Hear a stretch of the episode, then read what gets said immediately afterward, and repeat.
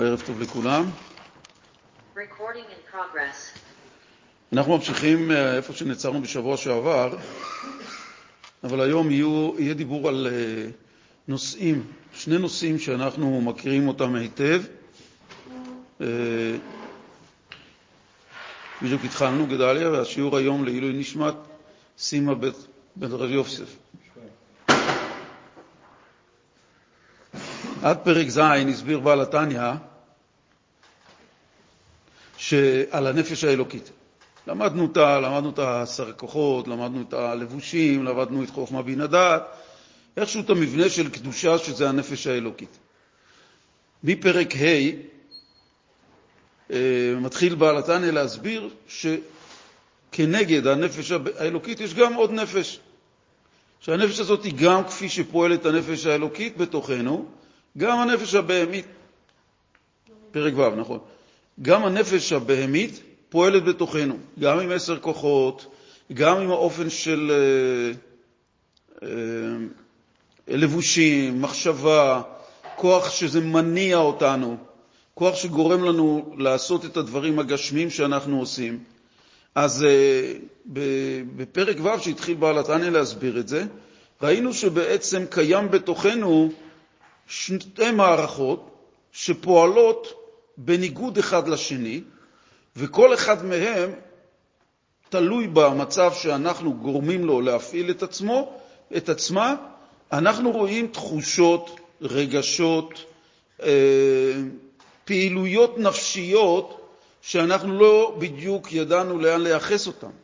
אבל ברגע שכרגע אנחנו מודעים לכך שיש שתי נפשות, אז אנחנו נדע, לפי מה שמסביר לנו בעל התניא, מה שייך לנפש האלוקית ומה שייך לנפש הבהמית. אז התחלנו, הוא התחיל להסביר בפרק ה', ש... בפרק ו', סליחה, שהנפש הבהמית, כל מה שלא שייך לקדושה אצל האדם, כולל הדיבור, כולל המחשבה וכל שכן המעשה, אם הם לא לשם, הן באות ומקבלות את החיות שלהם מהנפש הבהמית. מה שלא לשם, אין באמצע פרווה. אין משהו שמעורבב, קצת נפש אלוקית, קצת נפש בהמית. אין מצב. זה או שחור או לבן. ומה הפשט שאנחנו כרגע, שמישהו פועל מצד הנפש הבהמית, אז הוא הסביר שבנפש הבהמית ישנם, ש, ישנם שלוש קליפות שנקראות שלוש קליפות הטמעות, שהן הדרגה הנמוכה ביותר בנפש הבהמית, ששם אלו דברים שהם אין להם עלייה. מה הכוונה? הרי אנחנו מעלים כל דבר לקדושה בעולם, מבררים, מתקנים, אבל ישנם דברים שאנחנו לא יכולים לתקן אם אנחנו נוגעים בהם, כמו למשל הדוגמה של עורלה, שבאה משלוש קליפות הטמעות, ואם אנחנו אוכלים עורלה, זה בא משלוש קליפות הטמעות, מה זאת אומרת שבאותו רגע קורה לנו? מה שקורה לנו באותו רגע, אנחנו הרי חיים, נושמים ואוכלים, חלילה, ואנשים אוכלים מהעורלה, שזה שלוש קליפות הטמעות, מה קורה באותו רגע? החיות שאנחנו חיים באותו רגע, החיים שלנו מקבלים את החיות משלוש קליפות הטמעות. וזה בא לידי ביטוי בהרגשה, וזה בא לידי ביטוי במצב רוח, וזה בא לידי ביטוי בכל דבר שלאחר מכן, או בעצם העבירה. אנחנו את באותו רגע מקבלים את החיות שלנו מהצד השלילי של הנפש הבהמית, שבאותו רגע אני פועל כנגד השם. מה זה הכוונה חיות? אנחנו, חיות זה הכוונה שיש לי גוף, משהו מחיה אותו. יש לי דיבור, משהו מחיה אותו. יש לי נפש, משהו מחיה אותו. מה נותן, זה החיות, זה נקרא חיות, זה האלוקות. לא, הנשמה היא בעצם גם חלק מהחיות שגם היא מקבלת מהבורא כחלק ממנו, אנחנו נותנים חיות ליד, לידיים. חיות, חיות? כן. איזה חיות יצרה? היא היא חלק מהבורא. כדי להיות פה. כדי להיות נשמה, היא צריכה לקבל את החיות מהבורא כדי להישאר נשמה בגוף. אותו דבר כל דבר. כאן יש חיות של, הקדוש ברוך הוא נותן חיות שהשולחן עץ יישאר עץ. בתוכו חייבת להיות חיות אלוקית שתהווה אותו. ואתה מחיה את כולם, אל תקרא מחיה, אלא מהווה את כולם. הקדוש ברוך הוא בכל רגע נותן חיים לדבר שימשיך להתקיים. הקדוש ברוך הוא מחיה, מחדש בכל, בטובו בכל יום, תמיד. את מה? מעשה בראשית. ויאמר אלוקים יהי אור, בראשית ברא אלוקים. אז את כל הבריאה ואת הכל הוא ממשיך ולחדש בכל רגע ורגע. לא שהוא נתן ואחר כך עוד כאן, אוקיי, מסתכל בשעון, טוב, נגמר הדקה, ניתן עוד דקה. בכל רגע ורגע החיות האלוקית נמצאת בדבר, כדי שהוא יהיה הדבר עצמו. אז הקדוש ברוך הוא לתת אה, השפעה כביכול, ואז זה יכול, כשזה בא לרדת לדבר, זה יכול לרדת משני כיוונים, כלומר, מהנפש הבהמית או הנפש האלוקית, מה, איך איך בדיוק? אוקיי, זה כבר שילוב של השניים, שצריך לדעת איך בדיוק לתמרן ולדעת מה בא ממה. זה מה שאתה אמר עכשיו, שאדם אוכל השם עולה. כן, העורלה מצד... דווקא... תכף, תכף, הנה, אנחנו, אנחנו, רגע, רגע, רגע, אנחנו נגיע לזה בשיעור, בדיוק. אנחנו נגיע לזה. מה- יקרה- במצב שזה לא מצווה שקשורה לאכילה? כן, זה לא משנה. אותו דבר, כל דבר עבירה שלא לשם הוא, אבל ד- דווקא באוכל יש את הבירור ויש את החיות. בכל- במחשבה גם, בדיבור גם, כל דבר, בצעדיו, מעשה של האדם, הוא הולך ומעליב מישהו, מדבר לשון הרע. הוא הולך מכה מישהו, זה לא קשור לאוכל. אוכל, לא רק לאוכל. תכף, תכף, ראובן, אנחנו תכף נגיע לזה בשיעור הזה, זה מה שאמרתי גם לידידינו מקודם. עכשיו, אם כן, אנחנו רואים שהחיות שיכולה להתקבל זה משלוש קליפות הטמעות, שמגיעים למקום הזה, שזה דבר שרק עם תשובה מאוד מאוד קשה, ניתן להעלות חזרה את הקדושה שהיהודי הפיל בתוך קליפות הטמעות, מכיוון שבאותו רגע שיהודי חי כקדוש, כיהודי, מאותו רגע שהוא קיבל שפע משלוש קליפות הטמעות, זה הכוונה לא שהוא קיבל מהם, אלא הוא נתן להם חיות. הוא נתן לשלוש קליפות הטמעות חיות מצד שיהודי פועל בדבר, עושה את הדבר, היהודי נותן חיות לצד השלילי שימשיך להתקיים. אז בנוגע לשלוש קליפות הטמעות, שהם החלק התחתון בנפש הבהמית, לכן כאשר הוא בעצם אוכל חלילה עורלה, אז עצם המעשה נותן חיות במקום של שלוש קליפות הטמעות, ועל דרך זה בכל מקום של עבירה. כל דבר שהוא נגד רצון השם, שיהודי חושב לא נכון, יהודי מדבר בנג... בניגוד לרצון השם, וכל שכן במעשה, הוא נותן חיות באותו רגע לצד שכנגד. מה זה הצד שכנגד? אנחנו היום בעמוד 22, שמכאן אנחנו נראה היום, סליחה, אנחנו בעמוד 20. מה הם בעצם הדברים שהם בניגוד לשם? אז הוא אמר, נקרא את זה רגע מה, מהשורה הראשונה למעלה. כל מה שאדם מדבר או עושה, הרי מחשבתו שבמוחו, הוא אומר מחשבה, דיבור ומעשה. עמוד 20, שורה ראשונה. הרי מחשבתו שבמוחו ודיבורו שבפיו וכוח המעשה שבידיו ושאר איברים נקראים לבושי מסעבו לעשר בחינות אלו הטמעות שמתלבשות בהם בשעת מעשה, או דיבור או מחשבה, והם הם כל המעשים אשר נעשים תחת השמש, אשר הכל הבל ורעות רוח, כמו שכתוב בזוהר בשלח, שהם תבירו דרוך וכו'. וכן כל הדיבורים וכל המחשבות אשר לא לשם המה, שאני לא משתמש בהם לצורך עבודת השם ולרצונו ולעבודתו, איך הם מכונים כל המחשבות האלה שהם לא לשם? זהו פירוש לשון סטרה אחרא, פירוש צד אחר שאינו צד הקדושה. יוצא מכך דבר מאוד מעניין. עכשיו אנחנו תכף ניגש לזה, רק אני אסכם את הנקודה הזו משבוע שעבר, שכל המחשבות, הדיבורים והמעשים שיהודי עושה, והם אינם לשם שמיים, ולא מתכוון בהם לשם שמיים כחלק מעבודת השם, אלו דברים ומעשים השייכים לצד שכנגד, שנקראת סיטרא אחרא. זה מכונה הצד שכנגד. כנגד מה? הצד שכנגד הקדושה. ישנו סיטרא אחרא, שזה צד אחר התרגום, וישנו צד הקדושה, וזה בעצם נוצרים כאן שני דברים. יש צד הקדושה.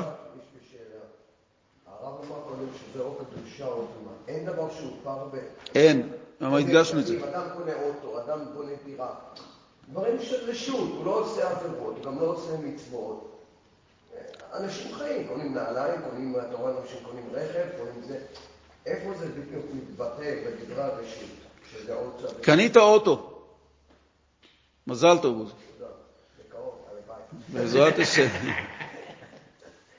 נסעת איתו לשיעור תורה או נסעת איתו בשבת לים? מה הפרווה פה? מה האמצע? אין. לא, נסע לשוק לקנות מוצרים, בסדר. יפה. רגע, רגע. הלך לשוק לקנות מוצרים. מוצרי מה? אוכל. מוצרי מזון. למה לאכול? כן. להיות שבע, להיות בריא, לעבוד את השם. או אני קונה את המאכלות האלה, המאכלים האלה ומצרף אותם לאיזו ארוחה לא כשרה, או שעושה אותם בצורה של, בוא, שעושה אותם בצורה של אוכל או מאכל אה, שמשלב בתוכו אה, אוכל לא כשר, אה, אוכל אותו בלי ברכה,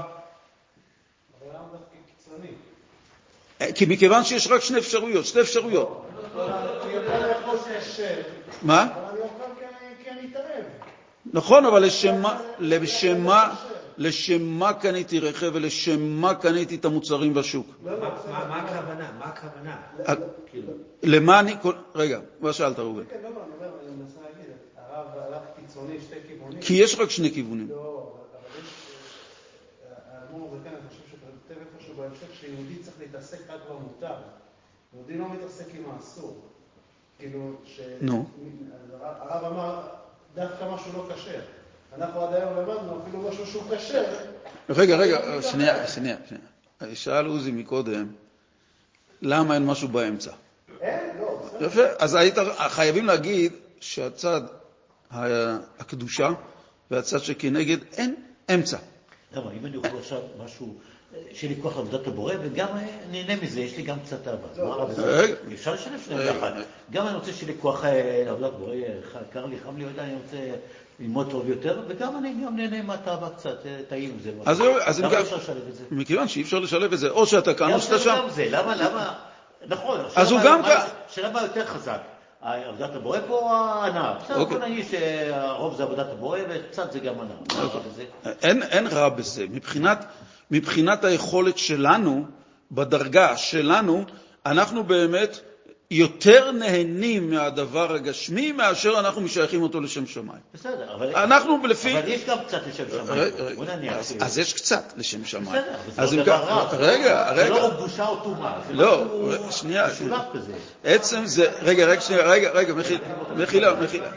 רגע, שלו, הוא יכול לקבל משני הכיוונים. רגע, רגע. הוא עושה אז- שני דברים, רגע. זה. מה שאני שואל. הוא שואל את אותה שאלה. הוא שואל את אותה שאלה. האם ניתן לשלב את שניהם באופן שהמעשה יהיה כלול גם מקדושה וגם מהפך הטומאה? אוקיי? כן? לא, אין, אין מה, אם, אם נסתתר אחרי מילים לא נגיע לחקירה של הדבר. בדרך כלל אני חושב על עבודת הבורא, אבל גם אני נהנה מזה. בסדר, אוקיי. אוקיי, בסדר. זה העניין הוא... ש... מה- אבל חטא הנחש הוא חיבר אותנו, חיבר את זה ביחד, עשה חיבור של זה ביחד, ניבל את זה. אה, חטא הנחש ג' קליפות הטמעות, שלא נתייחס אליו כרגע. בואו, אנחנו רגע נדבר על הדבר. עצם זה שאני בא וחושב שניתן לשלב גם קדושה וגם הפך הקדושה בצורה שמותרת על פי ההלכה, אני נמצא בצד שכנגד לגמרי. עכשיו למה? למה? מי, מי יכול, אנחנו מדברים על אנשים כערכנו, הרב עג ערב טוב, שלום עליכם. לראות פניך פיללתי, למה אני צריך לראות את ה... ופניי לא יראו, אתה יודע מי אמר. אם נוח לכם, אז נוח לכם. סתם, פשוט... אה, אה, כשבן אדם בא כצדיק, אז הצדיק, כל השתייה שלו זה לשם שמיים. אין לו שום דבר של דרישה של הנאה טבעית, גשמית, כי אין מי שיהנה מזה, אין נפש בהמית אצלו. היא כל כולה התהפכה להיות לקדושה. אז הוא בא, כל המאכלים שלו, השינה שלו, הצעדים שלו, כל דבר אצלו הוא מאה אחוז כבר קדושה. זה צדיק וטוב לו. אנחנו נמצאים בדרגות של רשע וטוב לו. למה? אנחנו באמת לא נמצאים שיש לנו את המקום שאנחנו נמצאים, ששינינו את כל המהות של המידות שלנו. אנחנו עדיין קשורים לעולם, אנחנו קשורים לחומריות, אנחנו מבינים מה זה חומריות ואנחנו רוצים את החומריות, אוקיי? רק לנו יש יותר בלמים מאשר אדם שלא שומר תורה ומצוות. אבל אנחנו, הנפש הבהמית שלנו היא כל כך חזקה בתוכנו, ואנחנו כל כולנו באמת פועלים דרכה לכל דבר. כי אחרת לא היינו רוצים שום דבר גשמי. שוב, אחרת לא היינו רוצים שום דבר גשמי. נפש אלוקית לא מבינה בשום דבר גשמי. נפש בהמית מבינה רק בעולם הגשמי. רגע, רגע, מחילה, אני, אני כבר מגיע. אז אם כן יוצא מצב שאם אני בא ואומר, השתייה הזאת היא בעצם, אני רוצה לשתות אותה לשם שמיים, אבל אני גם נהנה מזה, אוקיי? האם אפשר לומר שבן אדם נכנס למסעדה טרפה ומזמין בשר טרף ומכוון לשם שמיים? זה לא. זה לא, אוקיי? למה? כי זה ברור מראש שאני לא יכול ליהנות מדבר שהוא נגד התורה ולהשתמש בו בשביל התורה. עכשיו, על דרך זה שאני אומר שאני נהנה מדבר גשמי, הגופה, זה לא משנה אם זה מים או אם זה בשר, הגוף הזה בא ממקום שמבין גשמיות. אם אני, אם אני נהנה מהשתייה, רגע, רגע, אני, אני חייב ליהנות מהשתייה, רבותיי, שנבין רק, אני, אנחנו לא צדיקים. אנחנו רק אומרים את הדברים כדי שנהיה מובן איפה אנחנו אוחזים, אוקיי? אז אנחנו נהנים עצם זה שאנחנו רוצים דבר גשמי, זה בא מהנפש הבהמית. ואנחנו צריכים לרצות, כי זה מה, ככה אנחנו. אנחנו נוצרנו על ידי הבורא עם נפש בהמית שרוצה דברים גשמיים. אי אפשר קצת לשלב אה, רגע, רגע, רגע, אנחנו, אנחנו, מה תפקידנו? להשתדל להתגבר על הדברים הגשמיים שהם מורידים אותנו מהדרך, אוקיי? אנחנו לא יכולים שנפש הבהמית תבוא ותגיד לנו, תפסיק לאכול. אנחנו חייבים לאכול. אבל מה? יש דרך של אכילה. שמה שאומרים, כמו שאמרת מקודם, רב ראובן, מה שאסור, אז זה אסור. מה שמותר, מיותר. זאת אומרת, אדם יכול לאכול, אצל חסידים כתב הדבר הזה שנקרא התקפיה, מלשון כפייה. אתה מרגיש שבע, אוקיי? עכשיו שוב, אנחנו לא מדברים שצריך לעשות את זה, לא כל אחד עם מה זה, אבל אחרי הסעודה שהייתה, זה ממש מלאה וטובה, מביאים קינוח, גלידת שוקולד. עכשיו מה? הנפש הבהמית רואה את זה, לא משנה שהוא כבר שבע, ולא משנה שהוא כבר מרגיש שזה... אבל מה, לפני כן אם הוא לא ידע על הגלידה הזאת, אז הוא לא היה מתאווה אליה. עכשיו שהשיגו לו אותו מול העיניים, קינוח. עכשיו, רגע, קינוח, סעודת שבת, עונג שבת, הכל הכל משתלב לשם שמיים, ואז הבן אדם בא ואוכל את הדבר ומכוון לשם שמיים, ואומר, הנה, אני אוכל את זה לשם שמיים, כאשר הוא בעצם ממלא את התאווה של הנפש הבהמית. זאת אומרת, האדם, כשהוא אומר, אני יכול גם וגם, סימן שהוא נמצא רק בצד אחד. למה? כי מי שרוצה את הדבר, מי שמבין בו, זה הנפש הבהמית. עכשיו, זה היה הצד של הנפש הבהמית. בואו נגיד שאנחנו עכשיו רוצים באמת לשתות לשם שמיים.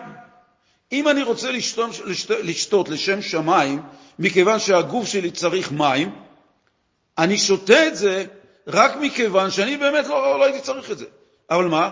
הקדוש ברוך הוא עשה אותי צמא, כדי שאני אשתה מים, כדי שהגוף ימשיך לתפקד.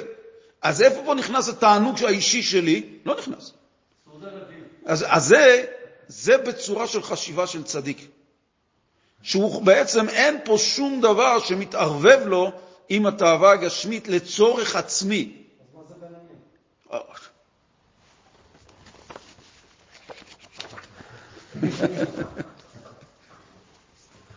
בינוני במילה אחת, בינוני, שהוא רואה את השוקולד הזה, הוא רוצה, והוא לא נותן למחשבה לעלות אליו אפילו. זאת אומרת, מיד שהתאווה מרגיש שבן אדם, עוד לפני שבא לחשיבה, הוא נותן לו את המכה, שתרד חזרה למטה. שלא תתאווה לדבר. הבינוני, כל הזמן יש לו את זה. כל הזמן יש לו גם את זה, אבל הוא יודע כל הזמן להרדים. כל הזמן נמצא בהרדמה. אבל מה שלא הבנתי, בוא נראה שאני באמת רעב ואני רוצה אחר כך ללמוד תורה. עוד פעם, עוד פעם, סליחה? מה? אני גם נהנה מזה קצת, אז מה קרה? נכון שזה לא הדרגה הטובה, דרגה טובה בלי שום טייבל. אבל אם אני באמת רעב ואני רוצה אחר כך ללמוד תורה עם זה, באמת, אה, שיהיה לי כוחות לעבוד, וגם אני נהנה מזה. אז מה, אז מה זה כל כך גרוע? אה, הגרוע כאן, שהקצת הנהנה מזה, זה הדבר שייקח את זה אחר כך הרבה ליהנות מזה. חייב חי... חייב. נפש בהמית, יצר הרע, מה אומר לו? היום כך, מחר כך, מחרתיים לך עבוד, עבודה זרה, לא פחות ולא יותר.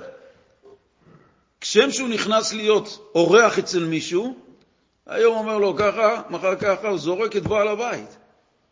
והוא מצליח לזרוק את בעל הבית. מאיפה כל זה מתחיל? הנפש הבהמית באה בלבוש של אה, פוסק, כל כולו לבוש כמו שצריך, עם שמונת הלבושים של כהן גדול, ובא ומתחיל להגיד לו, שמע, עונג שבס, אז, אז אתה, אתה צריך להתענג מעונג שבס, אתה צריך גם את זה, אתה... בעצם, הוא, הוא רוצה את זה מצד הנפש הבהמית, אבל הוא הולך לתרץ את זה שזה יהיה לשם שמיים. אז הוא מלביש את זה באיזה דבר שנותן לו את ההסבר השכלי למה צריך, ויש לו תשובה על זה, שתשתיק את המצפון שחלילה הוא בעצם מאכיל את הצד הלא נכון. מה מה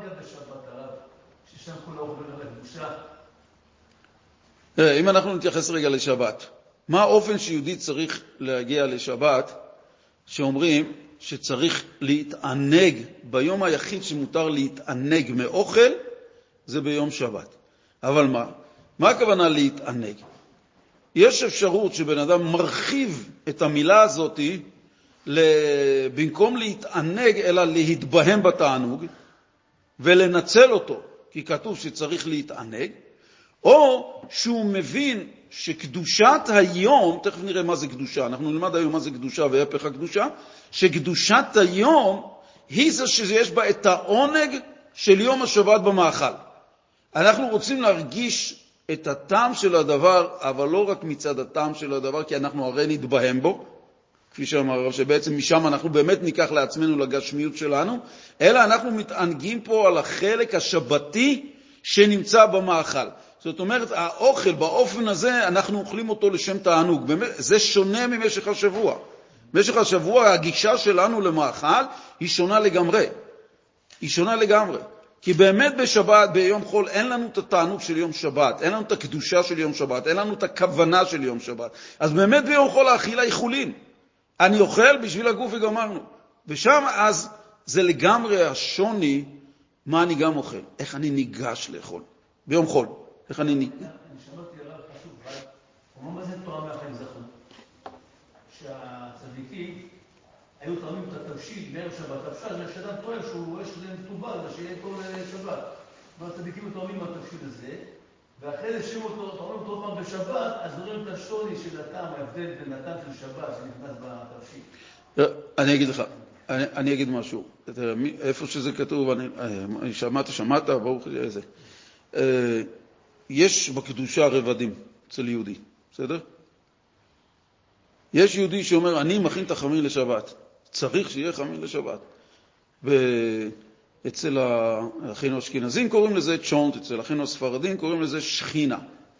שזה כאילו אוכל של שבת כמו שכינה.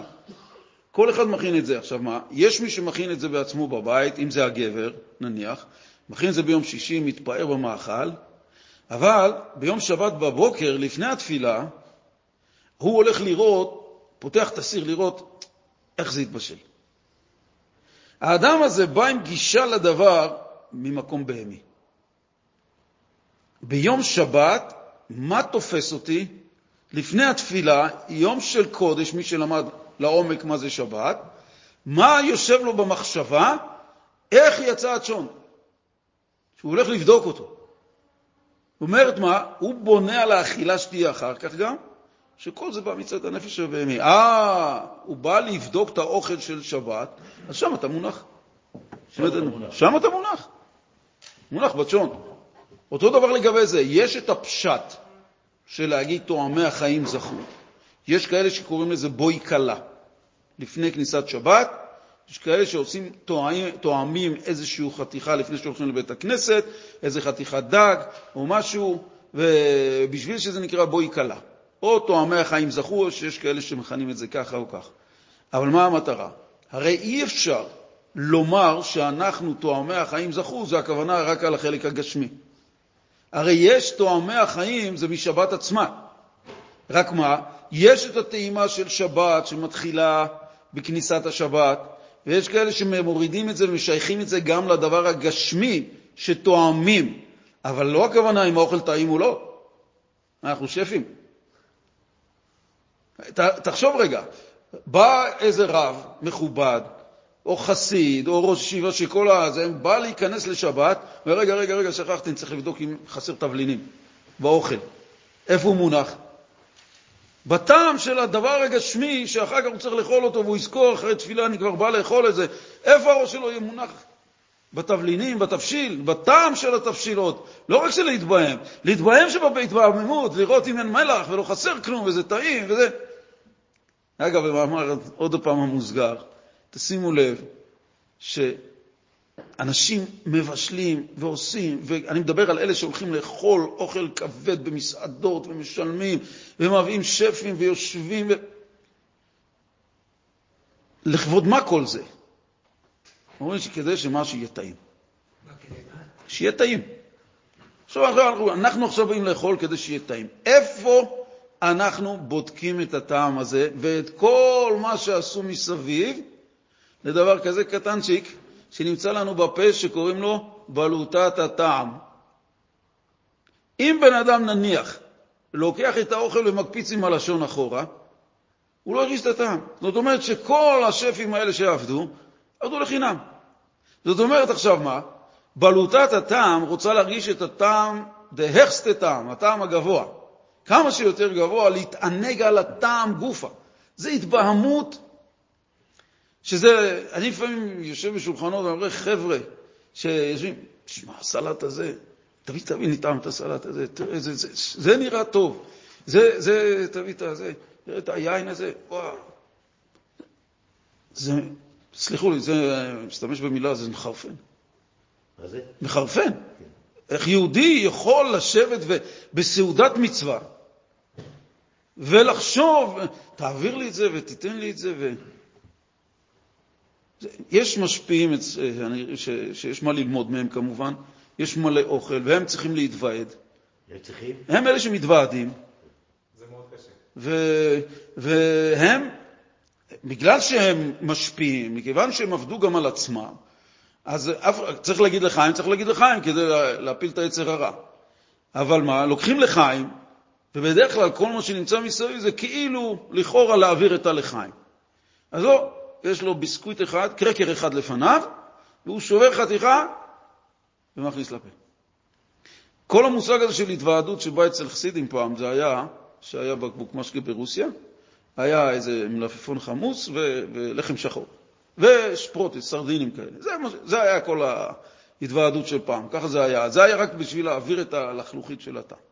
אבל בעיקרון, כשבן אדם נכנס למקום כזה, ומתחיל לבדוק ולטעום, וזה, קודם כל זה מדובר על חתיכה קטנה שכל הציור של הטעם, כל הנפש הבהמית שרואה את התמונה במסעדה ובתפריט, או על איזה שולחן בשמחות, וכל הטעם עולה בצורה כזאת שחלילה בן אדם לא יכול כבר להתאפק, כל זה בשביל להעביר את החתיכה הקטנה פה שנקראת בולטות הטעם. כי ברגע שזה מגיע לגרון נגמר, מגיע לקיבה נגמר. כל המאבק של הבן אדם להתגבר על הטעם שהנפש הבהמית רוצה להרגיש. ואם על זה אנחנו לא מתגברים, מה קורה? אז מכיוון שטעמתי משהו, וזה נתן טעם לנפש הבהמית שהיא נהנתה, איך עכשיו תגרע ממנה את התאווה הבאה שהיא תרצה גם להרגיש טוב עם זה? הרי בן אדם רוצה להרגיש טוב, נתת להרגיש טוב לנפש הבהמית. נו, ועכשיו מה? אז תביא עוד קצת.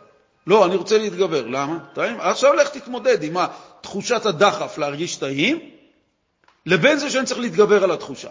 למה? כי קצת לקחתי לשם שמיים, וקצת לקחתי בשבילה, והנה יצא לנו פה ייצור חדש. מה? מרהיבו שבע? לא, זה מרהיבו שבע, זה, האמת היא שאי אפשר, אפשר להשביע מתוך רעב. אי אפשר להשביע. את זה אפשר לומר על אה, דבר אחר שאנחנו ניכנס אליו אחר כך, אם נגיע לשם, זה עניין של ביטול. אבל מה שאמר בעל התניא, שכל דבר שהשימוש בו לא לשם, זה הולך ונותן חיות לצד שכנגד. עכשיו, מה אכפת לי שייתן לו חיות? העניין הוא... נכון, מה זה, את מי הוא מחיה כאן? או את הצד שכן, החיובי, יש לנו רק שתי מערכות, או את החיובי או את השלילי. אם אני אוכל, או אני מדבר, או אני עושה, או אני מתכנן, מהצד שלא לשם המה, מה הכוונה? מה זה לא לשם המה? אני צריך לעבוד, ואני צריך להיפגש, ואני צריך להתפרנס, ואני צריך לאכול, ואני צריך לשמוח ולחנך ולהתלבש יפה, הכל. רק העניין הוא בכוונת המוחין שלי, מצד מה אני עושה את זה. מצד מה אני עושה את זה? עכשיו, אין לנו פה לחיצת כפתור. אה, פה זה נפש הבהמית, תלחץ? לא. תנתק. פה זה נפש אלוקית, תלחץ. זה לא עובד. אם הבן אדם יגיד, שמע, עכשיו אני מכוון לשם שמיים, המילים האלה לא, לא יפתרו את הבעיה. אמנם לפחות האמירה היא לא נוטית, אבל בעיקרון, שבן אדם לא מרגיש שהוא עושה את זה לשם שמיים. כי אם בן אדם שאוכל לשם שמיים, לא אכפת לו מה הוא אוכל. לא אכפת לו מה הוא אוכל. הוא יכול לשתות מים ולא קולה, ויכול, כל הדברים שבמבחינתו, הגוף שלי, הצרכים שלי, התאוות שלי לא קיימות. אצל צדיק באמת, זה הכוונה, לא משנה לו. לא משנה, כי הוא לא מרגיש תאווה ודחף לכיוון אחר, שרוצה שייתן לו גם את הטעם של הצד השני. אנחנו כן.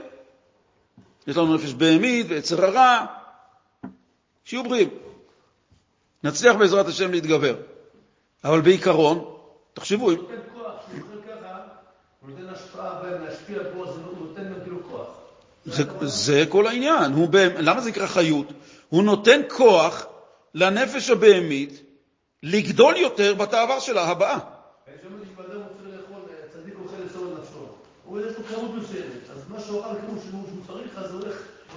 זה. צדיק אוכל, לא כתוב צדיק אוכל לשובע. צדיק אוכל לשובע נפשו, לנפש. ברגע שהנפש מרגישה שהיא בעצם ביררה את מה שצריך לאכול כאן, הוא מבחינתו סיים את האוכל. זה לנפשו. הוא מבחינתו עשה את הפעולה שצריך לעשות. אנחנו אוכלים לצורך תאווה, לטעים שבאוכל, לטעים. אנחנו לא יכולים ל- ל- להתחמק או לתרץ את עצמנו בשקר, כי זה עוד יותר גרוע, כי אני בעצם נותן לנפש הבהמית המשכיות בהיתר בפסק דין של בד"ץ. אם אני יודע שבעצם אני נותן לה כוח ומחיה אותה, מה הכוונה מחיה אותה? מגביר אותה, נותן לה יותר כוח, אז היכולות שלה גודלות אצלי. מה הכוונה היא? הרצון שלה לרצות דבר חומרי גדל, וממילא המאבק שלי מולה גדל יותר וקשה יותר. לכן האופן של השילוב של שני הדברים לא תופס, ומצד שני לעשות את זה רק לשם שמיים זה קשה, כי אנחנו לא צדיקים, אבל אנחנו בכל אופן באכילה שלנו ובשתייה שלנו, שעוברים דרך הנפש הבהמית, אנחנו רוצים לפחות לחשוב שאנחנו רוצים שזה ילך לשם שמיים, שאנחנו רוצים לכוון שזה ילך לשם שמיים. אנחנו אומרים את כל ספר תהילים, אנחנו אומרים תהילים, בסוף כתוב יהי רצון, יהי רצון, שכאילו אמר דוד המלך, כאילו אמרו דוד המלך. שאנחנו רוצים שיהיה רצון כזה אצל הקדוש ברוך הוא, כאילו דוד המלך אמר, אבל זה לא דוד המלך אמר, כי אנחנו אמרנו את זה מהמקום שיש לנו עם התאוות, ויש לנו עם הזה, והקדוש ברוך הוא מכיר אותנו, הוא יצר אותנו ככה, והוא רוצה שנפעל ככה, אבל רק הוא גם יודע ורוצה שאנחנו נבין את המערכת, שהנפש הבהמית, ניתן להפעיל אותה ולהביא אותה לדברים של קדושה. אנחנו כרגע יושבים במקום שהנפש הבהמית, אם היא לא הייתה רוצה לבוא לפה, לא היינו נמצאים פה. אבל מכיוון שהיא מסכימה לבוא לפה, אז היא לוקחת את הגוף לכאן. מרגישה שהשתלם. אנחנו אומרים לה, תשמעי, שיעור תורה, תקבלי גן עדן. יש צ'ונט אחר כך. יש צ'ונט אחר כך, נכון, תן לנו קצת לצאת מהבית. כל, כל, כל אחד והתירוץ, כל אחד והתירוץ שיכול להגיד לעצמו, למה אני זה. אבל מה? אני מלביש את זה בשיעור תורה כמובן, אבל בסופו של דבר יש את ההסכמה של הנפש הבהמית לרצות לבוא לכאן. וזה גם שווה. ברור, איזו שאלה, מה, שיעור תורה זה שיעור תורה, מה, מעשה חסד זה חסד, לא לדבר לשון הרע זה כל הדברים האלה, כמובן שזה דבר שיהודי מכריח את הנפש הבהמית לא ללכת לכיוונים האלה. וזה נקרא שבן אדם צריך להתגבר, זה נקרא שזה צריך התקפיה, וזה לכפות את עצמו, זה לעשות דבר בניגוד לרצונו. אני רוצה ואני כופה את עצמי לא לעשות. מה הרב אומר בעצם? שצריך לכפות את עצמי לא לאכול? לא, לא שלא לאכול. אנחנו אמרתי, אנחנו צריכים לאכול, ואנחנו צריכים לאכול טוב כדי להיות בריאים, רק מה, שאנחנו לא ניגש לאכילה, עם, כמו שאמרתי מקודם, שבן אדם יושב. בדיוק, זה להיות עם לבדי כזה, שכוך צריך להזכיר, וואי, איזה אוכל, אני עכשיו הולך לאכול את זה, תשמע, יש אירוע חתונה, חביב, בוא, אני לא אוכל חצי יום, שם יש אוכל טוב. זאת אומרת, איפה הוא מונח? בגשמיות שבאוכל. ותאר לך שזה לא יהיה טעים, איזה אכזבה תהיה לו, אז הוא בכלל מונח בזה שבאולם שמחות יגישו בטח אוכל מעולה, והוא בכלל מונח בטעם של הטעם של התבלינים, והוא בכלל מונח במקום כזה נמוך, במצב כזה, תגיד ליהודי בוא לשיעור תורה, נראה. מה הבעיה שיעשה את זה ואז יקח לשיעור תורה? ש... אנחנו עושים את זה ככה, מה זה מה הבעיה? זה מה שאנחנו עושים. אנחנו אוכלים, אנחנו אוכלים, אנחנו שבעים ובאים לשיעור תורה. אבל מה? אבל מה? ככל שהאדם, האכילה שלו, נובעת באופן כזה בהמי, הקושי שלו לבוא לדבר שבקדושה הרבה יותר קשה. ואם הוא ישאל את עצמו, למה? לאיפה זה ברח לי, הרצון הזה, מה זה? שיחשוב איזה דבר גשמי הוא עשה עבור הנפש הבהמית, שהיא פשוט מאוד, היא לא התחזקה, חיזקתי אותה. למה לפעמים מבקשים מאיתנו סעודה מאוד גדולה, למשל בפורים, יש עניין להרבות בסעודה ולהוסיף ולשים בשר בקר, וככל שתוסיף יותר זה זה... בשביל מה להכניס אותנו למצבים שאנחנו נצטרך להתמודד? בוא תעשה לי סעודת עניים, קטנה, קצת בקבוק יין, ובזה נגמר העניין. זה מכביד עליי, זאת אומרת, אני צריך לקחת את כל סעודת שלמה בשעתו וללכת ולקדש אותו, כאילו לקדש את החומר לגמרי, זה, זה קשה לי. אז בוא תיתן לי סעודה, למה מצריכים אותי סעודות כאלה כבדות? יישר כוח. שבת אתה יכול להביא מצד האוהל שבס, אני לא יודע איך, צריכים לדעת איך בדיוק לשלב את זה, אבל פורים, כאילו, מה? יישר כוח, שאלה טובה. באמת, רגע, שנייה, שנייה. הרב, אמרתם את הדבר, סעודת פורים וסעודה זאת, אבל לא התווספה מילה אחת שחסרה, סעודת מצווה. מדובר על סעודת מצווה. אם אני לוקח את הסעודה כסעודת מצווה, אז הסעודה כולה יכולה להשתנות מבחינתי בהסתכלות שלה. אם אני בא לסעודה, שבפורים מותר זה ומותר, ולך תתבהם ותשתכר, והכל מותר חס ושלום, וסעודה אחרת שאומרים לי תעשה את כולה בחגים וביום טוב בשר ויין, כולם זה סעודות קדושות. אם אני מפיק מהם את המטרה, אז אני מתקדש באותו יום שהוא מקודש מצד השם. אני הולך לברית מילה, אני אוכל סעודת מצווה. ישנה מצווה של ברית, אני נמצא בברית, מצווה שיהיה גם סעודה בברית. מה הסעודה הזאת משתמשת? מה הסעודה? זאת סעודה של קדושה. סעודה קדושה מצד המצווה. פורים מכניס לסעודת פורים את קדושתו של היום. עכשיו, אם אני לוקח, והכוונה של המוחין שלי, שהכנתי את עצמי לפורים, ואני בא ואני גם מודע מה זה הסעודה הזאת, ואני חוגג את מה? ויש לי כאן עניין של פורים שבא לידי ביטוי גם בגשמיות. הקדוש ברוך הוא לא השאיר אותו כמו יום כיפור. הוא נתן לנו את ההורדה של יום טוב עד למקום הגשמי, של להתקדש גם מהמקום הגשמי הנמוך. ואנחנו לוקחים את הדבר הזה ומודעים לקדושה שיש ביום שבא גם דרך האוכל. אז האוכל מבחינתי הוא רק אמצעי לתוספת קדושה. אבל אם אני בא אליו שוב כסעודה, שנדרש לי באמת אוכל כזה, מה שהרב אמר כרגע, מסעדה. בדיוק. אני בא למסעדה, מגישים תפריט, 12 סלטים, שלוש סוגי פיתות, ארבע סוגי משקאות, ועוד אומרים לך, תשמע, יש מנה ראשונה ושנייה, מה יוצא לי מכל האוכל הזה? התבהמות. אני באמת צריך את כל האוכל הזה? לא. אני באמת צריך את כל ה... לא, לא, תראה לי מה שיש לכם פה בתפריט, זה הכי טעים. מה אתה ממליץ עוד, שואל, וזה וזה. כביכול, הכל, הכל, הכל, מהאופן הזה של חולין, של חולין, של חולין, וזה מה שהרב שאל באמת. מה אני צריך את כל הדבר הזה? אה? אתה יכול להגיע ללמעלה ואתה יכול להגיע ממש... הנה חינמי, הנה חינמי, זה ב... הנה חינמי. זה מה שאמרנו, קדושה וסטרה אחרא, אין באמצע. נחינמי, נכון? שזה בא באופן כזה שיהודי יכול לבוא לסעודת מצווה בברית, אבל הוא בא לאכול. הוא בא לאכול ממש, לא זה, יש ברית וזה, מזל טוב, מזל טוב, עכשיו בואו נראה מה יש לאכול. אז הוא מבחינתו כבר התנתק מהמצווה. סעודת מצווה היו כאלה ש... אה, שהיו לוקחים מסעודה של מצווה ומביאים הביתה לבני המשפחה, שהתאמו ממה? מסעודת המצווה, מהקדושה שיש שקיבלה סעודה. וזה שוב הסתכלות שתלויה באדם, איך הוא ניגש לדבר. סעודת מצווה או סעודת מסעדה, או לסבוע. או, תארו לכם, אלה שלא שומרי תורה ומצוות. כל סעודה אצלם היא סעודה כמו שהרב וגה אמר כרגע. עכשיו, זה מילים יפות, השאלה היא איך אני באמת מרגיש את הקדושה, איך איך באמת מרגישים את זה, מה אני צריך... הגענו בדיוק. זה בדיוק עכשיו רציתי לפתח, שאמרנו בתחילת השיעור, שהיום אנחנו נדבר על הנושא הזה של סטרא אחרא וקדושה. לא מה זה, כי זה אנחנו יודעים, טומאה וקדושה, אבל איך זה נוצר.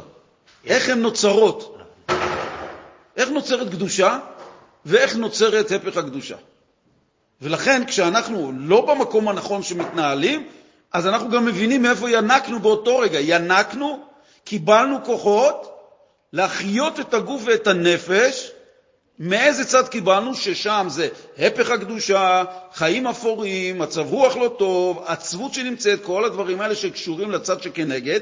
ולכאורה, אבל שמרתי שבת, אכלתי, עשיתי קידוש, עשיתי זה, אני לומד תורה, אבל למה המצב רוח שלי כזה? אין לי פיצול אישיות. אני לא בבוקר עם מצב רוח בערב ואני מדוכא. אלא מאי? איך הגישה שלי לדברים הגשמיים בעולם והרוחניים בעולם. הגישה. הגישה. עכשיו, איך הגישה? רגע, בואו נסביר את זה. איך נוצרה, היות ש... אה, נתחיל דווקא ממה שהרבי כאן אמר, התחיל בעל התניא בסטרא אחרא. איך נוצרת טומאה? איך נוצרת סטרא אחרא? איך נוצר הצד שכנגד? לא סתם צד שכנגד, אלא כמו אפילו צד של עמלק יודע את ריבונו ומתכוון למרוד בו. איך יכול להיות שאדם שמודע לכך שהבורא יצר אותו יכול ללכת נגד מי שיצר אותו, והוא מודע לזה. כמו שהאדם אומר, אני נלחם נגד עצמי בגלל שזה עצמי. איך נוצר מצב כזה? אחר כך נתייחס לעניין של הקדושה. כשהקדוש ברוך הוא ברא את העולם, אז הוא היה צריך ליצור אותו לפי התוכנית שלו. למה ככה נתאווה הקדוש ברוך הוא? ככה הוא רצה. השאלה כרגע זה לא על זה. השאלה מה אופן הבנייה שהוא יצר אותו. הוא יצר את העולם בששת ימי המעשה, וגם ברא את כל הדברים הנחותים, הירודים, הנחשים, הג'וקים, שנמצאים באמזונס בברזיל. למה? מה הצורך בהם? זו לא השאלה כרגע. אנחנו לא יודעים מה הצורך בכל דבר ודבר, אלא ככה הקדוש ברוך הוא ברא את העולם. למה? כי העולם צריך לדברים האלה כדי להתקיים. האם הקדוש ברוך הוא שיצר אותם רוצה בהם? לא. למה לא? רגע, רגע. הוא לא רוצה אותם, אבל כדי שיהיה עולם, הוא צריך אותם. הוא לא רוצה אותם, תכף ניקח דוגמה לזה, הוא לא רוצה אותם, הרי הקדוש ברוך הוא לא רוצה את הטומאה. הרי הקדוש ברוך הוא כולו קדושה. הוא לא רוצה את הטומאה, אבל הוא צריך אותה לצורך העולם, תכף נראה. אבל איך היא נוצרה? מה? אנחנו נראה תכף שיש לנו הרבה דברים בחיים שאנחנו לא רוצים אותם, ואנחנו לא מסתדרים בלעדיהם. אבל מה? איך נוצר טומאה? הפך הקדושה. אגב, הרבי תמיד היה לא משתמש במילים האלה, אני רק אומר אותם לצורך ההבנה, אבל תמיד הרבי אומר הפך החיים, הפך הקדושה. לא היה רוצה להוציא מהפה את המילים האלה. כשהקדוש ברוך הוא יצר את העולם, היה רק בורא. כשהבורא, כפי שהוא, העולם לא יכל, לקי... לא יכל להיות עולם לפי הגילוי של הקדוש ברוך הוא. היה צריך, הקדוש ברוך הוא, לצמצם את הגילוי שלו, שיהיה אפשרות ליצור דבר גשמי שיוכל להכיל את אורו, להכיל את החיות שלו. אז הקדוש ברוך הוא, כפי שכתוב בתורת האריזה, זה נקרא צמצם את עצמו. זאת אומרת, לא שחס ושלום היה צמצום שהוא הקטין את עצמו באופן אה, גשמי או משהו כזה, אלא הכוונה היא שהוא לא גילה את אורו כפי שהוא, כדי שיוכל להיווצר דבר גשמי לפי היכולת של האור של הדבר הגשמי. אבא לא יגיד לבן שלו תרגיל או סוגיה עמוקה כשהוא בגיל ארבע. למה? לאבא יש אורות, אם הוא לא יצמצם את האורות בשכל ואת ההסברים לגיל ארבע, אז הילד לא יוכל לקלוט את הדבר ולא יהיה כלי לזה. זה על אותו דבר. אז הקדוש ברוך הוא צמצם את אורו. אז היה סדר, זה נקרא סדר הצמצומים, סדר ההשתלשלות, שזה הלך וירד אין סוף מדרגות. שנברא מלאכים ומלאכים יותר גבוהים, ולאחר מכן עוד ירידות ועוד ירידות ועוד הצטמצמות האור, הסתתרות של האור, עד מטה-מטה, שמהאור שהצטמצם יכול להיווצר דבר גשמי, שזה נקרא יש מאין, המצב שאנחנו יכולים היום להגיד, זה דבר הרי שישנו, אנחנו, הוא יש, אבל הוא בא מדרגת העין שהצטמצמה. זה דבר שהוא, אני יוצר כאן, זה דבר שהוא לא כשר ולא טמא. אבל הקדוש ברוך הוא המשיך להצטמצם כדי שייווצר בעולם, לפני שהוא מוריד את הנשמה, שייווצר בתוך העולם דבר שיהיה נגד רצון השם. למה? כי לשם הוא אמור לשלוח את הנשמה, שהיא תתמודד עם דברים שהם נגד רצון השם, ולהצליח להעלות אותם לקדושה. מלאכים למשל אין להם התמודדות, למה הקדוש ברוך הוא לא נתן להם את התורה? כי למצרים ירדתם, יצר הרע יש ביניכם, לא, אין לכם שום דבר שמתמודדים בו. אז אתה לא זכאים לתורה. איפה התורה צריכה להיות? במקום שצריכה להאיר ולשנות וליצור מקום שהקדוש ברוך הוא יתגלה בו. איפה הקדוש ברוך הוא רוצה? בעולם הגשמי. איפה בעולם הגשמי? כמה שיותר תחתון, כמה שיותר חשוך. שם, במקומות האלה, החשוך, החשוך, החשוך, זה הצטמצמות של הקדוש ברוך הוא שירד וצמצם את אורו עד שהתבשר, עד שנוצרה מצד הצמצום והאלם, נוצר דבר שהוא כאילו נגדו. הנפש הבהמית היא כאילו נגדו? הנפש הבהמית היא יכולה להיות, יש שלוש קליפות הטמעות שאין בהן שום קדושה. נפש הבהמית יש בה קליפת נוגה, ויש בה את השבע המידות, ויש בה את השלוש קליפות הטמעות. השאלה היא איך אנחנו משתמשים בה, אוקיי? זה מה שאנחנו רוצים ללמוד. הנפש הבהמית, השורש שלה יותר מהנפש האלוקית, בשורש, אוקיי? בשורש. מכיוון שזה בא מדרגה שבכל אופן הייתה צריכה להצטמצם, היא הצטמצמה עד כדי כך שהיא מבינה בדברים גשמיים יותר מאשר אלוקים. אבל מה? גם בדבר הנמוך ביותר בעולם, זה גוף הקדוש ברוך הוא, כפי שאור אין סוף. אבל אור אין סוף שהצטמצם כדי להיות דבר נמוך נמוך כפי שהקדוש ברוך הוא רצה שהוא ייווצר, בצורה שאין בו קדושה, לכן הוא נקרא טמא. שהנפש הבהמית מבינה בדברים מסוימים בגשמיות יותר מאלוקים. יותר מהנפש האלוקית. אה, זאת אומרת שדבר טמא נוצר, דבר כזה נוצר, טומאה נוצרת מצמצום טוטלי של הקדוש ברוך הוא בדבר, שעד כדי כך שלא נראה שבו שום דבר של קדושה, וככה בעצם נוצרת העבודה הזרה, הבשר הטרף, הדברים השליליים בחיים, שהם בעצם, זוהי בעצם המקום שהקדוש ברוך הוא, אבל נותן חיות לדבר כזה. עכשיו, הדבר הזה, היות שהקדוש ברוך הוא רוצה שהוא יהיה בעולם, שיהודי יצטרך לתקן אותו, אז היצירה של הקדוש ברוך הוא של הדבר הזה, זה נקרא כמאן דשדה בתר כתפי. זה כמו שאני נותן למישהו משהו ואני אומר, טוב, טוב, תיקח. הוא מבקש ממני משהו, אני אפילו לא מסתובב אליו, ואני אומר, טוב, נו, תיקח את זה. זה מראה כמה אני לא רוצה לתת. זה מראה כמה שאני לא רוצה בכלל שזה יהיה קיים, אבל אין לי ברירה. ניקח דוגמה מהחיים שלנו, זאת אומרת, אם כן, בשורה התחתונה, הפך הקדושה נוצר מהקדושה של הבורא, שהצטמצמה והקדושה לכאורה בעיניים הגשמיות שלנו נעלמה ומסתתרת, עד כדי כך שהדבר עצמו לא נראה בו שום קדושה. למה לחזיר קוראים חזיר? שאומרים שלעתיד לבוא הוא עתיד לחזור להיות כשר. מה זאת אומרת יכול לחזור? מה יהיה לו? אלא הוא יחזור שמה? שכרגע הקדושה שנמצאת בתוכו, היא נמצאת בכזה אלם והסתר, שעד כדי כך שהדבר הזה נהיה לגמרי טרף. אין גילוי של קדושה. לעתיד לבוא הקדושה שבתוכו תתגלה. לכן הוא יחזור להיות כשר. כי כרגע הוא במצב שהקדושה לגמרי נעלמת בתוכו. עכשיו ניקח מעצם השורה התחתונה בזה שהקדוש ברוך הוא יוצר דברים, הפך הקדושה, שהם נוצרים על ידי צמצום של הקדוש ברוך הוא, ושם אין חיות אלוקית, נראית לעין. יוצא מכך שאם אנחנו משתמשים בהפך הקדושה או עושים עבירה, או דבר של מחשבה, או דיבור, אנחנו מקבלים את החיות מאותו מקום ירוד, שהקדושה בכלל לא באה לידי ביטוי והיא נעלמת ונסתרת.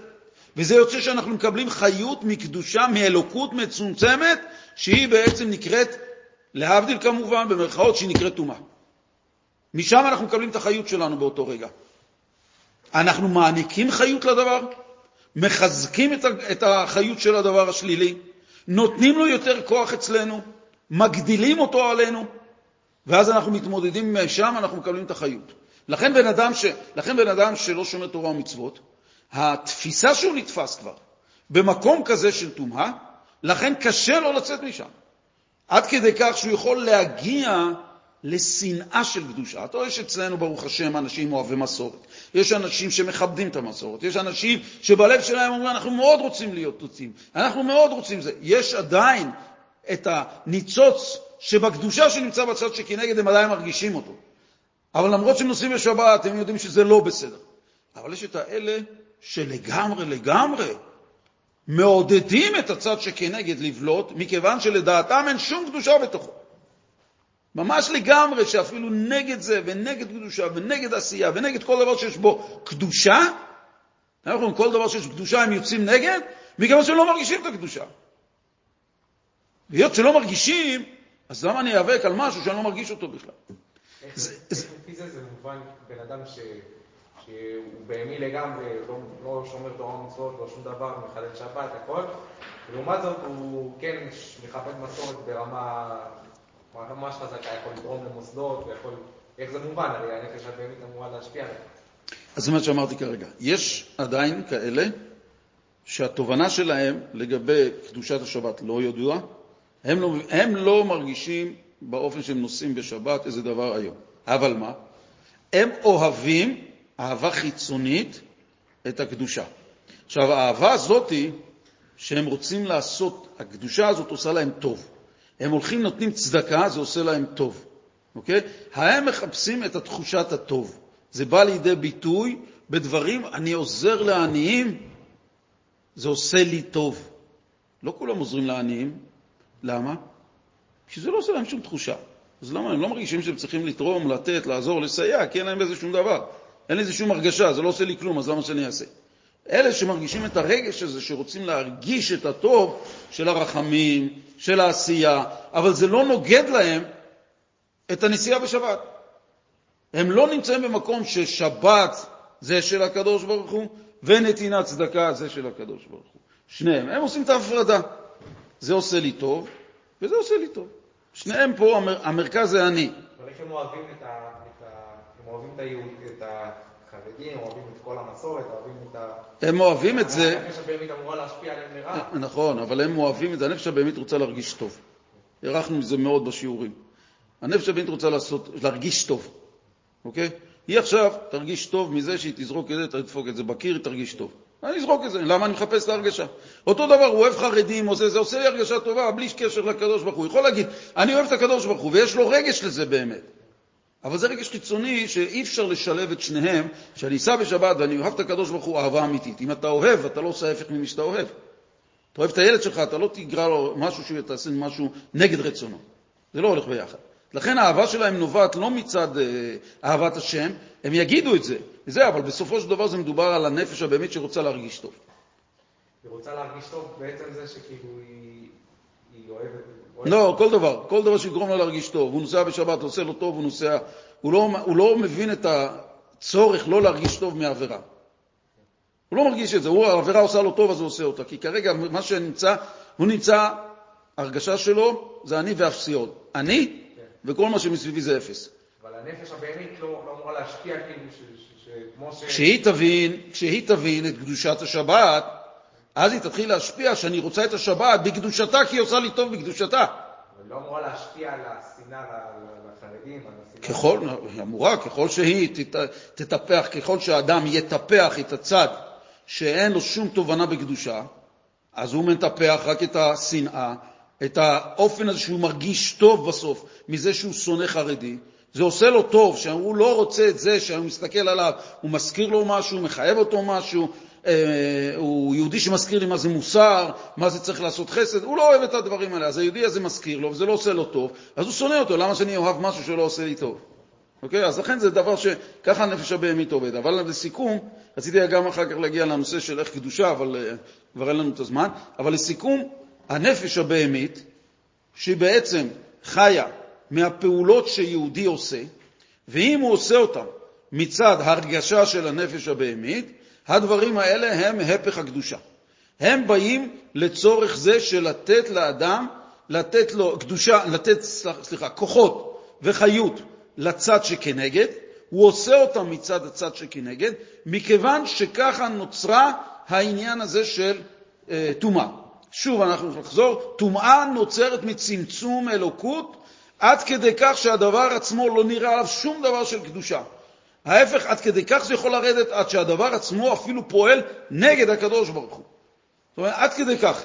וישנם מצבים שלצערנו, כשאנחנו לא מודעים לזה, אנחנו נותנים חיות לנקודה הזאת.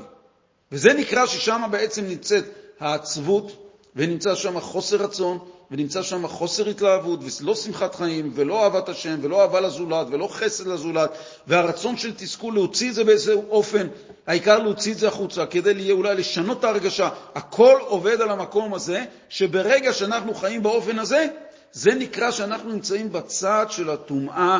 למה אנחנו מרגישים ככה? כי הקדושה שם לא מורגשת בתוכנו בכלל.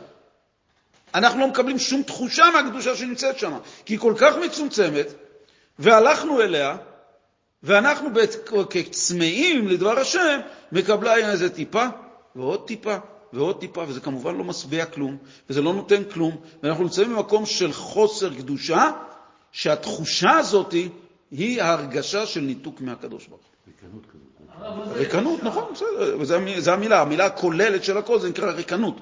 אבל בעיקרון, התחושה של בן אדם לא יודע, הריקנות מורכבת מכמה וכמה דברים שהיא בעצם מובילה את האדם לתחושות האלה, להרגשות האלה, לחוויית הכעס, לתסכול, לתגובות שלו בחיים, לחוסר רצון ללכת לעשות דבר שבקדושה, להתפלל, ללמוד. פתאום הוא אומר, אתה יודע מה, אני מרגיש אם אני אוכל עכשיו איזה משהו כזה טוב, מתוק, טעים, יעשה לי הרגשה טובה.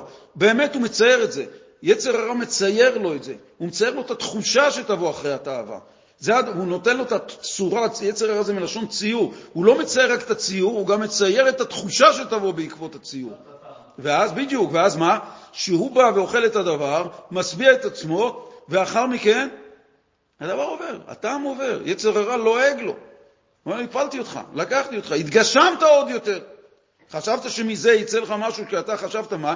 אתה נמצא. למה החשיבה הזאת באה מצד זה שאני רוצה עוד משהו גשמי, אולי יעשה לי טוב? כי אני נמצא במקום כל כך חסר קדושה, שאני מרגיש שם את הריקנות שאני חושב שהיא תתמלא על ידי הרגשה טובה. אבל בגלל שזה בצד הטומאה, אז אני צריך את ההרגשה הטובה לנסות ולקחת ממקום שנקרא גם גשמיות. כי למה? אלוקות במקום הזה שם לא מדבר בכלל. ההפך זה אפילו מאוס, לא זכה. אם לא זכה מלשון הוא לא מזוכח, נעשה לו סם מוות. הוא לא סובל. הוא לא סובל, זה סם מוות. לא הוא. מרגיש. שהתורה נעשית עליו, מה זה התורה? הקדושה. נעשית עליו מאוסה. למה? כי באותו זמן שהוא נמצא בצד הלא נכון, הוא מנסה לאכול משהו שממש ממש ממש אי אפשר לשלב את זה עם האוכל שהוא אוכל. אדם שיאכל עכשיו משהו טעים ויגיד לו, קח עוד משהו מר, לא שייך לשלב. אדם שנמצא בצד הטומאה וחלילה יבוא לבוא תניח תפילין, עזוב. ברגע שאתה רואה את התגובה של האדם שהיא ככה, אתה מבין את המרחק, איפה הוא נמצא בעומק של הצד השני, וכמה הוא רחוק מהצד של הקדושה. התגובה שלו מאוד מסמנת איפה אני נמצא כרגע. ואני יכול לראות בן אדם שהוא כועס, מתוסכל, עצוב, חוסר רצון, אבדה המוטיבציה. כל הדברים מסביב האלה מראים באיזה מקום הוא נמצא כרגע. ואם בן אדם עכשיו אמר, אה, רגע, רגע, נכון, אז זה לא בא מצד זה ומצד זה ומצד זה. סימן שאני נמצא במקום כרגע שממנו אני יונק. ולא רק אני יונק, אני גם נותן למקום, הוא לוקח ממני. אני נותן לו חיות שימשיך לחיות ויגדל על חשבוני. ומילא, אני נמצא בתוכו. שעה? כאילו? אנחנו נאמין, נכון? בן אדם שעושה תשובה, הרי זה לא עניין של תשובה, שאה, אני אחזור בתשובה ביום כיפור, לא. בן אדם שמחליט עד עכשיו חשבתי ככה, נכון, זה טעות, אני צריך ללכת עכשיו לבית הכנסת, אני צריך לפתוח ספר, אני רוצה לשבת בבית ולקרוא סיפורי צדיקים שיותר קל לי לעכל את זה, יותר קל לי במצב הזה לקרוא משהו שאני אוהב יותר, לא רוצה עכשיו ללמוד סוגיה עמוקה או ללמוד משהו עמוק. זה נקרא שהוא עשה תשובה. תשובה באותו רגע. מה זה תשובה? בן אדם עשה מחשבה שלילית, שנייה לאחר מכן הוא החליט שהוא חושב משהו חיובי, זה נקרא תשובה. אז ההשפעה תשתנה מיד? לא, לא, ההפך. אדם שלא מרגיש טוב ונותנים לו אוכל, הוא לא רוצה להריח שום דבר טעים, הוא לא יכול. הבנתי את המשפט. אדם שחולה, אה, לא עלינו, ומביאים לו אוכל, לא משנה איזה אוכל תשים לו, את האוכל הכי טעים, את הסטייק הכי מבושל, הכי... הוא נגעל, הוא לא יכול, באותו רגע. אז מה נותנים לו? רגע, אז מה נותנים לו? נותנים לו איזה צלחת מרק עם מים קצת חמים, ככה, טיפה, תכניס טיפה, ועוד טיפה, ועוד טיפה, ועוד טיפה, ועוד טיפה, מתחיל להתעורר התיאבון. עם האוכל בא התיאבון. ולכן זה ככה בקדושה גם. בן אדם במצב כזה, זה נקרא, שזה קליפת עמלק, שהיא מקררת, אשר קרחה בדרך, בדרך צאתך ממצרים לאיפה? לקבל את התורה, עמלק מגיע, אוטומטית. ברגע שאני רוצה לצאת ממקום אחד של מצרים, ואני רוצה להגיע למקום שמקבלים את התורה, עמלק מופיע אוטומטית, אשר קרחה בדרך, ואומר לך את הספק.